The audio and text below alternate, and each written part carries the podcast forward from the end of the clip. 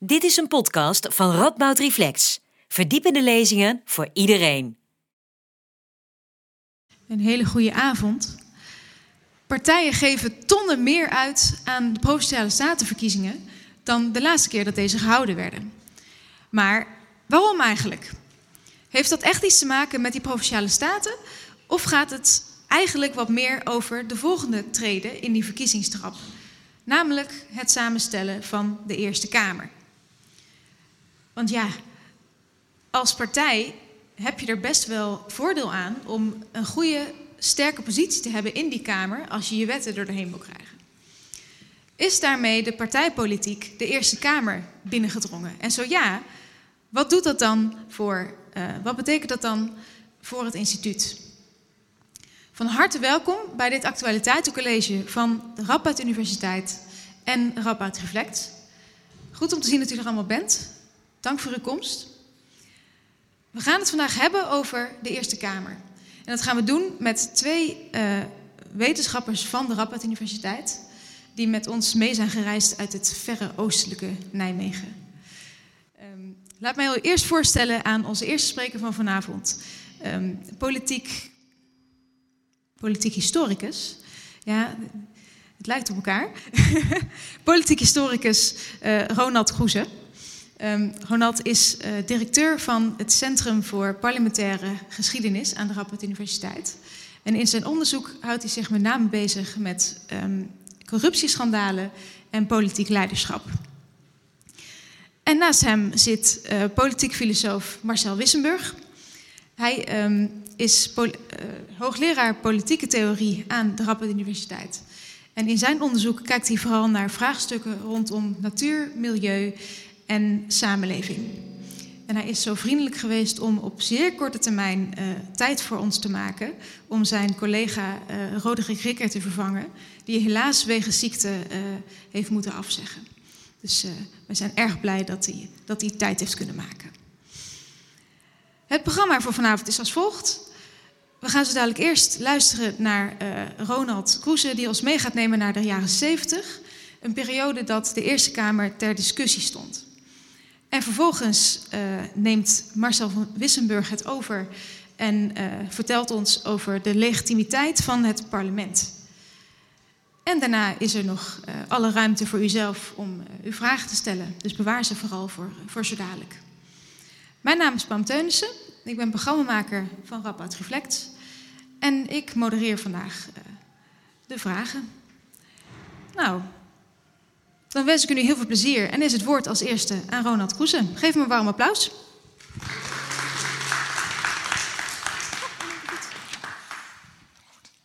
Dankjewel. Um, bedankt ook uh, geachte aanwezigen. Goed jullie uh, te zien. Mooi dat er uh, mensen zijn die willen luisteren naar onze verhalen vanuit Nijmegen. Um, je zei in je aankondiging de jaren 70, daar kom ik ook op, maar ik geef alvast uh, aan. Ik uh, neem natuurlijk iets meer uh, ruimte. Het is iets verder terug, zoals een historicus betaamt. Een wat lange aanloop. Even kijken of die al. Ja. Even kijken. Goed. De Eerste Kamer kan het niet snel goed doen. Een teveel aan activisme en geldingsdrang wordt al snel afgekeurd. Want voor politiek bedrijven hebben we de Tweede Kamer, toch? Maar is de Senaat te weinig actief, dan is het ook niet goed. Want komt de vraag op, hebben we nog een Eerste Kamer? Waarom hebben we die nodig? Kunnen we die niet afschaffen?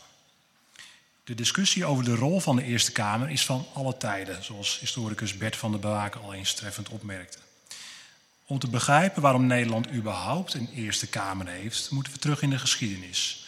Na het verslaan van Napoleon, naar die periode. Eerst in 1813, daarna werd hij definitief verslagen in 1815 bij Waterloo. Daarna keerde de oude Nederlandse Republiek, de Republiek der Zeven Verenigde Provinciën, niet terug. Maar werd Nederland een koninkrijk met een grondwet en een tweekamerstelsel. De Eerste Kamer kwam er vooral op verzoek van de adel uit het zuiden, het huidige België, die invloed wilde behouden. Maar aangezien Noord-Nederland traditioneel weinig adel kende, benoemde koning Willem I ook leden van de hoge burgerij tot de Senaat. Dat er werd gekozen voor een tweekamerstelsel was op zich niet zo bijzonder. Frankrijk, Groot-Brittannië en de Verenigde Staten kenden het al. Bovendien, na jaren van democratische en autocratische experimenten, in navolging op de Franse Revolutie, werd goed bestuur vooral opgevat in termen van een herstel van mixed government, ofwel gemengd bestuur. Want voor een stabiel systeem moest de macht verdeeld worden over verschillende organen, was de gedachte. Pure vormen van bestuur konden eenvoudig corrumperen, zo was de gedachte. Zo was het gevaar van een pure monarchie dat de vorst kon veranderen in een tiran die alleen nog zijn eigen belangen nastreefde. Een bestuur van aristocraten had het gevaar in zich een oligarchie te worden. En een pure democratie kon perverteren tot een systeem waarbij een onverantwoorde volksmenigte het voor het zeggen zou krijgen. Met chaos als gevolg. Echter, met de loop der jaren veranderde dit aanvankelijk gemengd bestuur toch steeds meer in een eigen gereid autocratisch systeem. Een autocratische bestuurder, koning Willem I. De liberalen eisten hervormingen, in het bijzonder openbaarheid van bestuur en meer macht voor de Tweede Kamer, om zo een echt parlementair stelsel in Nederland te krijgen. En Willem II, de zoon van koning Willem I, accepteerde in het revolutiejaar 1848 een grondwetsherziening. In de aanloop er naartoe had de liberale hervormer Thorbecke al laten doorschemeren dat de Eerste Kamer voor hem geen nut had. Maar om de noodzakelijke steun van meer conservatieve krachten te verkrijgen, noodzakelijk voor een grondwetswijziging, bleef de Eerste Kamer als compromis bestaan. In de decennia na 1848 wonnen de liberalen aan invloed in Nederland. Maar zo tegen het einde van de 19e eeuw werden ze uitgedaagd door politieke nieuwkomers, zoals de orthodox-protestanten van Abraham Kuyper die zich verenigde in de eerste moderne partij van Nederland, de antirevolutionaire partij, een voorloper van het CDA. Zij eiste financiering van het bijzonder christelijk onderwijs. Ook de katholieken sloten zich hierbij aan. En gesteld tegenover een in toenemende mate christelijke meerderheid in de politiek, begonnen de liberalen de Eerste Kamer nu meer te waarderen. Via de Senaat kon de dadendrang van deze nieuwkomers worden ingetoomd en de stabiliserende rol van chambre de réflexion vervullen. Na de grondwetswijziging van 1917-1919, waarmee in Nederland algemeen kiesrecht werd ingevoerd, kregen de christelijke partijen de overhand in de Eerste Kamer. Een periode die zou duren tot in de jaren 60. En in deze tijd was er relatief weinig discussie over de rol van de Eerste Kamer. Maar na verlopen tijd begon het weer te rommelen. De geest van 68 roerde zich. En met name in de jaren 70 kwam de discussie over het nut van de Eerste Kamer volop terug in Nederland. Als Centrum voor Parlementaire Geschiedenis van de Radboud Universiteit brengen wij al ruim 50 jaar de serie Parlementaire Geschiedenis uit. Onlangs is deel 10 uitgekomen over de lange jaren 70. Dat waren de jaren van polarisatie, hervormingsdrang, democratisering en grote idealen. In hun hoofdstuk besteden Anne Bos, Hilde Lavelle en Marie Smits ook aandacht aan de Eerste Kamer. Nieuwkomer, Democraten 66, D66, wilde namelijk het oude bestel opblazen, zoals ze het noemden. Voor D66, maar bijvoorbeeld ook voor de Partij van de Arbeid en de progressieve partij Radicalen, de PPR, gold de Eerste Kamer als een ondemocratisch en ouderwets overblijfsel van een tijd die niet meer bestond. De Senaat werd overbodig verklaard. Dat D66 vanuit het niet zeven zetels won bij de verkiezingen van 1967 was een schok voor de heersende partijen en deed de toenmalige premier Pieter Jong concluderen dat er een breed verlangen naar vernieuwing was, zoals hij dat noemde. Er werd een staatscommissie ingesteld, ofwel de commissie Kals-Donner, om een wijziging van de grondwet voor te bereiden en de Eerste Kamer zou daarbij niet worden ontzien. Maar het eindrapport van de staatscommissie, dat in 1971 werd gepresenteerd, bevatte een verdeeld advies. Een minderheid vond dat de Eerste Kamer in zijn huidige vorm geen bestaansrecht had, inclusief voormalig premier Jo Kals. Maar een meerderheid vond de Senaat wel nuttig. Zij had de zinvolle functie om wetgeving te heroverwegen, om de kwaliteit van de wetgeving te waarborgen. En in aanvulling hierop, het feit dat het Kamerlidmaatschap eh, geen fulltime job was, zoals het Tweede Kamerlidmaatschap dat wel was en is, werd ook als een voordeel gezien. Want dat droeg bij aan een andersoortige kijk op de wetgeving die voorlag. Dat de Eerste Kamer in ons bestel een vetorecht heeft op het doorlaten gaan van wetgeving, werd niet als een doorslaggevend probleem gezien. Want het vetorecht werd terughoudend toegepast, zo werd vastgesteld. Bovendien, het bestaan ervan droeg eraan bij dat de minister nauwkeurig zou handelen. De minister zou, vanwege het gevaar dat zijn wet zou kunnen worden weggestemd in de Eerste Kamer, niet zomaar een onverantwoorde wet insturen of een haastig amendement van de Tweede Kamer goedkeuren. Tegelijkertijd, een meerderheid van de staatscommissie was het ook mee eens dat de Eerste Kamer geen nieuwe rechten behoefde, zoals een recht van initiatief. Want dat zou als verkapt amendementsrecht kunnen gaan dienen en dus dezelfde rechten als de Tweede Kamer eh, resulteren voor de Eerste Kamer.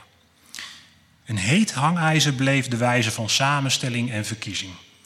De commissie stelde voor om het aftreden om de drie jaar van de helft te vervangen door het aftreden van de volledige Senaat eens per vier jaar. Een meerderheid wilde verder rechtstreekse verkiezing van Eerste Kamerleden, net zoals met Tweede Kamerleden. Na de verkiezingen van 1972 werd het thema weer opgepakt. En op advies van regeringsadviseur David Simons werd besloten de Senaat te handhaven als Kamer van heroverweging. Evenals dat senatoren in aansluiting op de provinciale statenverkiezingen door de statenleden zouden worden benoemd. Gekozen. En hoewel de progressieve partijen in hun beroemde keerpunt 72 de afschaffing van de e- Eerste Kamer herhaalden, werd bij de formatie van het beroemde, beruchte kabinet Den L, meest linkse kabinet uit de Nederlandse geschiedenis, zoals het vaak wordt genoemd, de grondwetswijziging, inclusief bepalingen over de Eerste Kamer, buiten de afspraken gehouden tussen de samenwerkende partijen. Want het kabinet was daarover verdeeld. Progressieve ministers, Den L, stonden tegenover confessionele, onder andere minister De Gaai Fortman van de ARP, die niets voelde voor afschaffing. 4 juni 1974, u ziet hoe lang het duurt, presenteerde het kabinet Den L dan toch de nota in zaken grondwetsherzieningbeleid. Daarin werd voorgesteld 1. Rechtstreekse verkiezingen. Een zittingsduur van vier jaar. Het laten vervallen van het budgetrecht van de Eerste Kamer. Het opnemen van het enquêterecht. En 5. Het niet meer betrekken van de Eerste Kamer bij de tweede lezing van grondwetswijzigingen. Een vergaande hervorming dus, maar ook geen afschaffing. Maar omdat in de Tweede Kamer de partijen ook tegenover elkaar stonden, volgde een verdere uitkleding van de hervorming. CAU, voorloper CDA en ARP eveneens. En de VVD wilde geen aantasting van de positie van de Senaat. En er was geen meerderheid voor de voorstellen van de progressieve fracties. Zo werd de motie De Vries over afschaffing van de Eerste Kamer verworpen. Bovendien in deze tijd veranderde de Katholieke Volkspartij, dus ook de partij van Jo Kals, die nog voor uh, verandering was, van standpunt. Zij was niet langer voorstander van rechtstreekse verkiezingen van de Eerste Kamer, want dan krijg je dat de waan van de dag gaat regeren. Ook voorstanders van afschaffing van de Eerste Kamer waren tegen rechtstreekse verkiezingen. Want daarmee werd de Eerste Kamer veel te belangrijk. Dus hier vonden de twee tegenpolen elkaar. En zo verdween deze wens. Toen de grondwetswijziging dan uiteindelijk indiende, bleef de Eerste Kamer gehandhaafd. Enkel de wijze van verkiezen zou worden aangepast. Na de val van het kabinet NL in 1977 duurde het tot 1979 en 1980 dat het onderwerp weer werd opgepakt door het kabinet van Acht. In de tussentijd was er wel een nieuwe praktijk bijgekomen, de zogenaamde novelle. Wel eens een parlementair pseudorecht van de Eerste Kamer genoemd.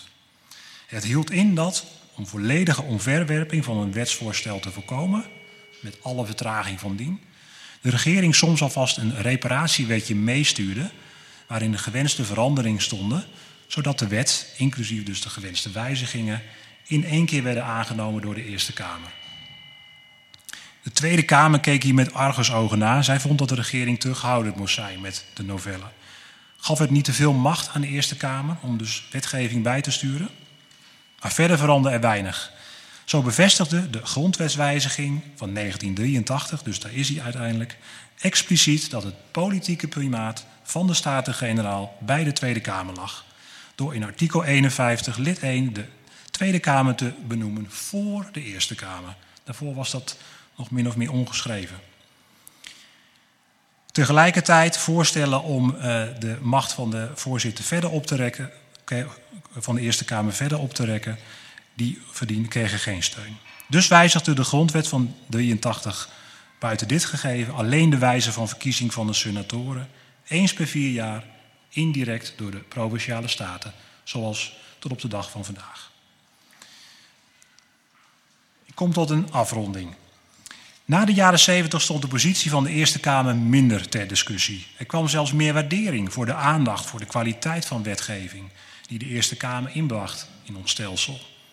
Pas de afgelopen jaren, bijvoorbeeld toen de kabinetten Rutte 1 en Rutte 2 met een minderheid in de Eerste Kamer moesten regeren en het politieke karakter van de Senaat weer opspeelde, keerde ook de discussie over de Senaat weer terug.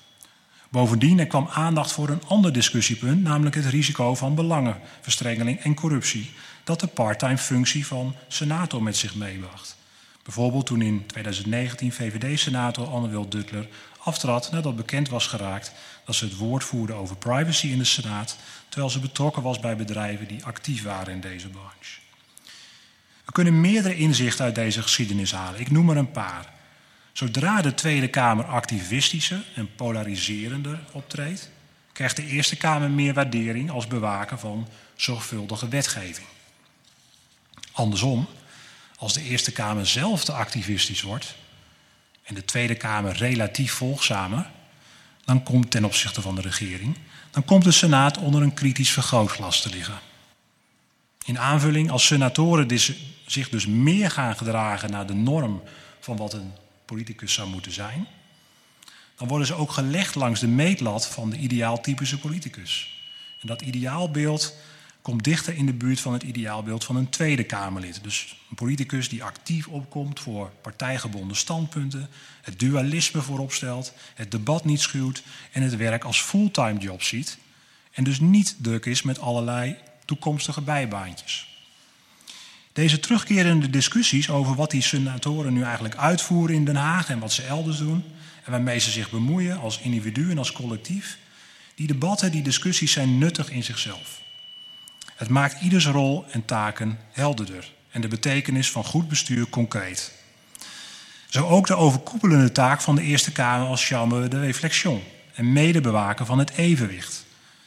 Een taak die aansluit bij de oorsprong van het Tweekamerbestel en het principe van mixed government, dat ook recent weer op meer belangstelling kan rekenen in antwoord op de grote uitdagingen van deze tijd. De grote wetten over klimaat, maar ook bijvoorbeeld de uitdagingen van het populisme en de wispelturige democratische meerderheden.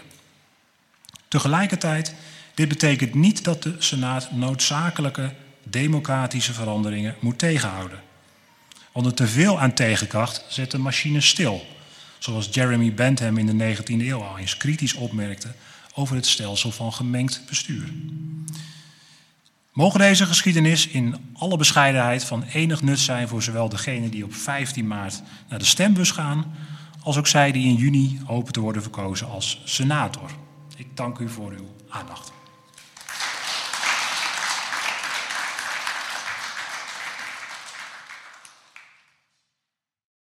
Ja, goeiedag. Uh, ik moest op hele korte termijn. Hi Stijn.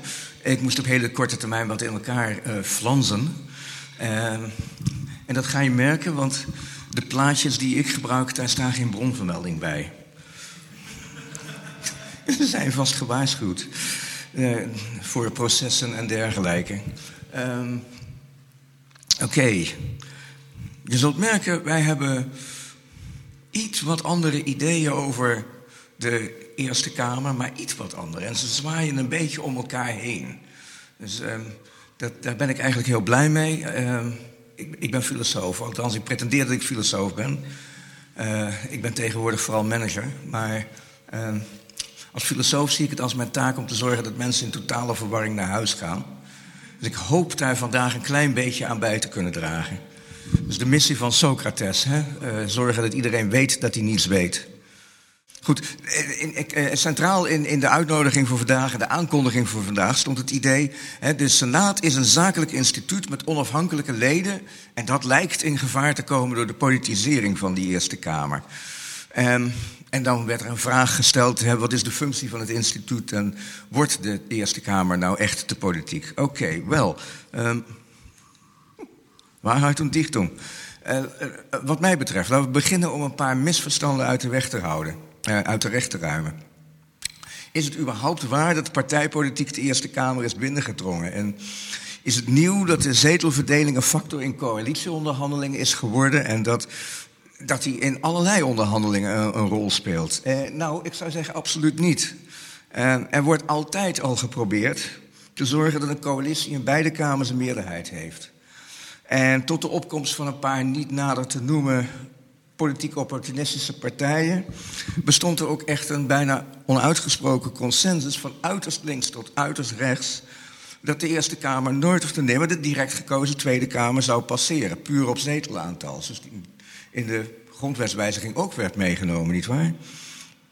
En dat doet de, of deed de Eerste Kamer eigenlijk alleen, dat overrulen van de Tweede Kamer, eigenlijk alleen als er inhoudelijke redenen zijn om af te wijken van het oordeel van de Tweede Kamer. Um, oeps. Uh, ja, echt niet, echt niet. Ja. Um, Nee, inderdaad. Is dat traditionele beeld hè, van, die, van die Eerste Kamerleden uh, als, als, als um, uh, onpartijdige mensen, et cetera, is dat, is dat een traditioneel beeld? Nou, ook weer, dat, ook, dat is ook niet waar, zou ik zeggen. Ehm, er is een beeld van de Eerste Kamer als een chambre de réflexion. Hij werd al twee keer genoemd. Hè? Een Kamer die geïnteresseerd is in redelijkheid, in doordachtheid van wetgeving.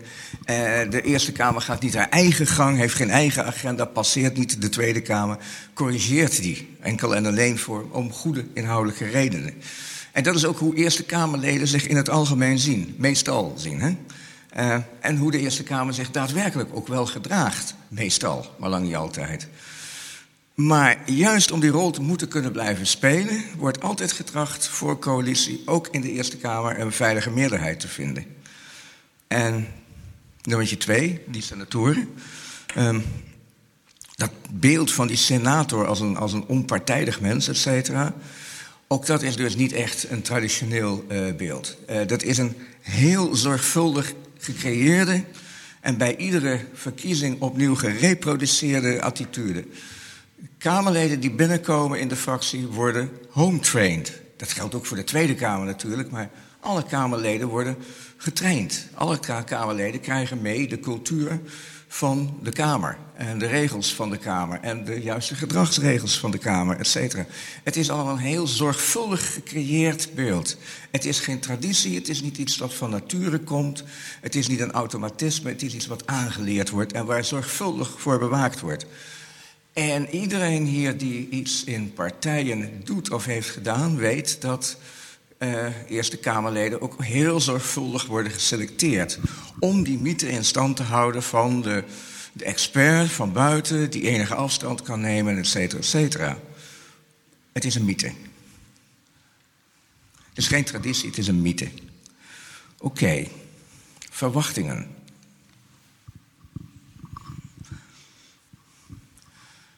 Wat hebben we, wat heeft de burger in doorsnee voor verwachtingen van de Eerste Kamer?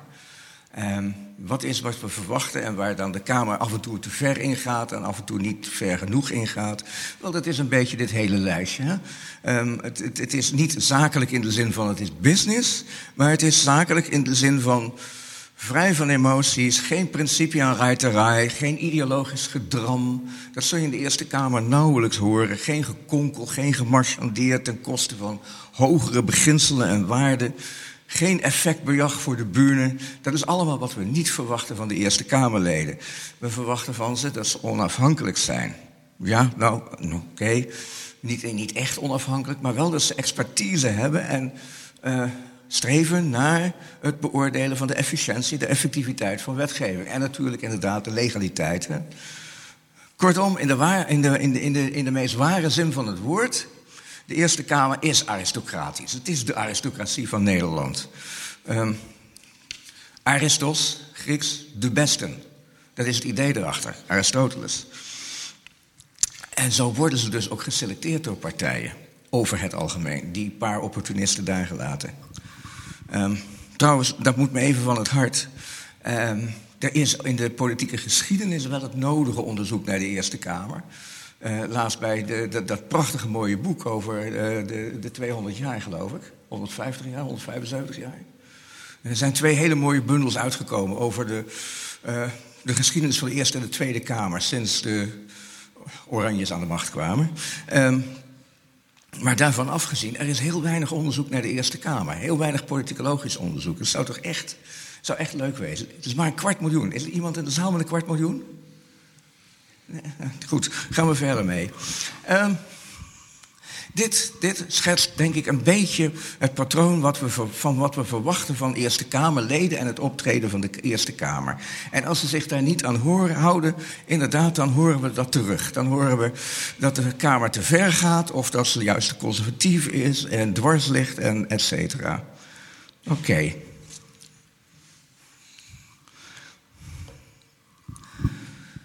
Die verwachtingen over de Eerste Kamer vertellen ons eigenlijk ook indirect iets over de Tweede Kamer. En wat we van de Tweede Kamer verwachten of denken. En het vertelt ons eigenlijk ook iets over eenkamerparlementen. Want de Tweede Kamer, sorry, de Eerste Kamer, die heeft kennelijk iets wat de Tweede Kamer niet heeft. En wat die eenkamerparlementen niet hebben. Dit hebben die eenkamerparlementen natuurlijk allemaal wel. Nou ja, en dat vertaalt zich dan in, in verwachtingen. Eh, ik, ik, ga ze een beetje zwart-wit schetsen, maar laten we eerlijk wezen. Uh, het, het, zijn stereotypen die je toch in de pers ook heel veel tegen gaat komen. En trouwens bij mijn buren ook. Als ik bij mijn buren op de koffie kom, dan hoor ik dit soort dingen echt over de Tweede Kamer. Ja, de Tweede Kamer, dat is, dat is een, een hol van mensen die, die zich overgeven aan emoties. Eh, die inderdaad een principieruiterij doen. Die inderdaad de hele tijd ideologisch lopen te drammen. Die uh, nou, konkelen, marchanderen enzovoort. Je kent dit hele beeld inmiddels. Hè? Effectbejag voor de bühne. Um, het, het, het, zijn marionetten ofwel van hun partij. Het zijn ofwel ja-knikkers voor de coalitie. Of het zijn um, uh, nee-schreeuwers, ongeacht de kwaliteit van wetsvoorstellen. Als je niet in de coalitie bent, dan ben je per definitie tegen alles wat gebeurt door de coalitie enzovoort. Het enige waar ze mee bezig zijn is herverkiezing, eh, scoren in de media, de korte termijn hypes, et cetera. Ik denk dat iedereen dit beeld echt wel herkent uit de pers en van de buren. En van de stamtafel en dergelijke plekken. En um, verrassend. Oké, als de Eerste Kamer aristocratisch is, ja, dan is het dus duidelijk wat de Tweede Kamer is. Dat is uh, de heffen des volks, oi polloi. De Eerste Kamer voegt volgens mij inderdaad dus echt kennelijk in ons beeld iets toe dat de Tweede Kamer niet kan bieden.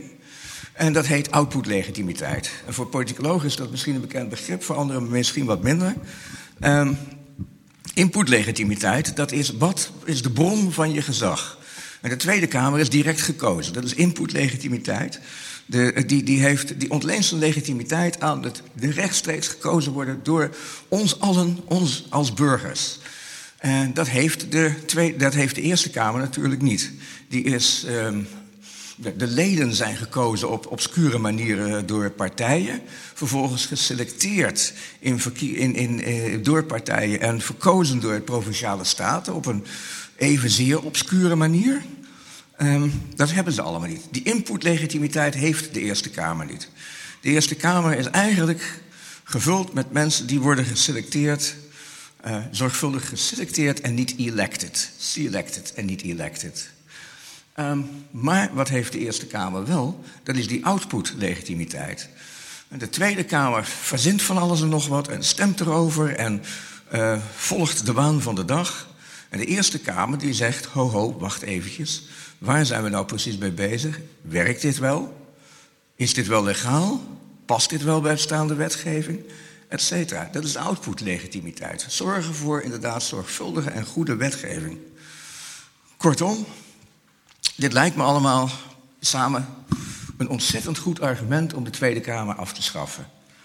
Uh, Ja, ik, ik, ik, ik, haal dat graag ook in, uh, in, in, de partij waar ik actief ben. Uh, iedere keer als weer iemand begint over laten we de Eerste Kamer afschaffen, want die dient nergens toe. Laten we nou even kijken naar wat verwachten we van de Eerste Kamer, wat verwachten we van de Tweede Kamer. Als er argumenten zijn om iets af te schaffen, dan zou ik toch zeggen: gooi die Tweede Kamer eruit. Ja, maar goed, dan slaat de reden weer toe bij mij, helaas.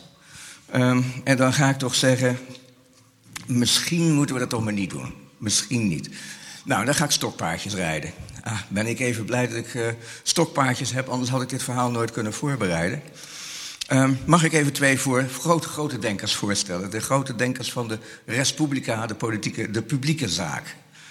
Uh, links Aristoteles en uh, je citeerde hem eigenlijk net. Uh, Aristoteles, de man die bijvoorbeeld waarschuwde al in het begin: pas op met een monarchie, dat kan zo in een tirannie omslaan. Pas op met een aristocratie, dat kan zo in een oligarchie omslaan. En pas op met democratie, yes, pas op met democratie, want dat kan zomaar een volkstirannie gaan worden. Dat is links. Rechts, Spinoza, buurman, zo'n beetje. Hagenees. Nou, niet echt Hagenees, maar Hagenaar dat wel. Uh, ook hij een groot republikein. En wat voor boodschap hadden die twee heren? Dit hem. Voor Aristoteles, Aristoteles is een beetje een cynisch man. Aristoteles zei dat eigenlijk de meest stabiele maatschappijvorm, geen monarchie, geen, geen, geen aristocratie, nee, een mengeling van oligarchie, oftewel een, een elite die aan zichzelf denkt, de haves, en het volk, Oftewel de, de groep mensen die de have-nots vormen. Zet die twee bij elkaar, zet die tegenover elkaar en je krijgt een stabiele, evenwichtige samenleving. Je hebt dan wel een vorst nodig die ze een beetje in balans houdt, maar et cetera. Spinoza, zelfs na 1672, na wat er hier aan het einde van de straat gebeurde met de gebroeders de Wit, zelfs na 1672, veel optimistische mensen, ik zou zelfs zeggen bijna een beetje een utopist, Spinoza geloofde in iets vergelijkbaars, maar geloofde dan in een patriciaat en een middenklasse. Ook een beetje have-nots en have-haves en zo, maar patriciaat en middenklasse die elkaar in balans hielden, die een groot publiek debat voerden, daarbij afhankelijk van vrijheid van pers, vrijheid van meningsuiting, en daardoor ontwikkelden en betere mensen werden. En hij vond de Nederlandse Republiek het prachtigste voorbeeld van een respublica, een stabiele respublica. Kijk, en dat, dat idee van dat evenwicht tussen die twee uitersten, dat zou ik zeggen is een reden om toch die Tweede Kamer nog maar eventjes niet af te schaffen. Laten we ze toch maar een beetje tolereren voor het ogenblik. Nou zijn dit twee verschillende verhalen. Het cynische verhaal van Aristoteles en het utopische verhaal van Spinoza. En wat mij betreft, geloof wat je wilt.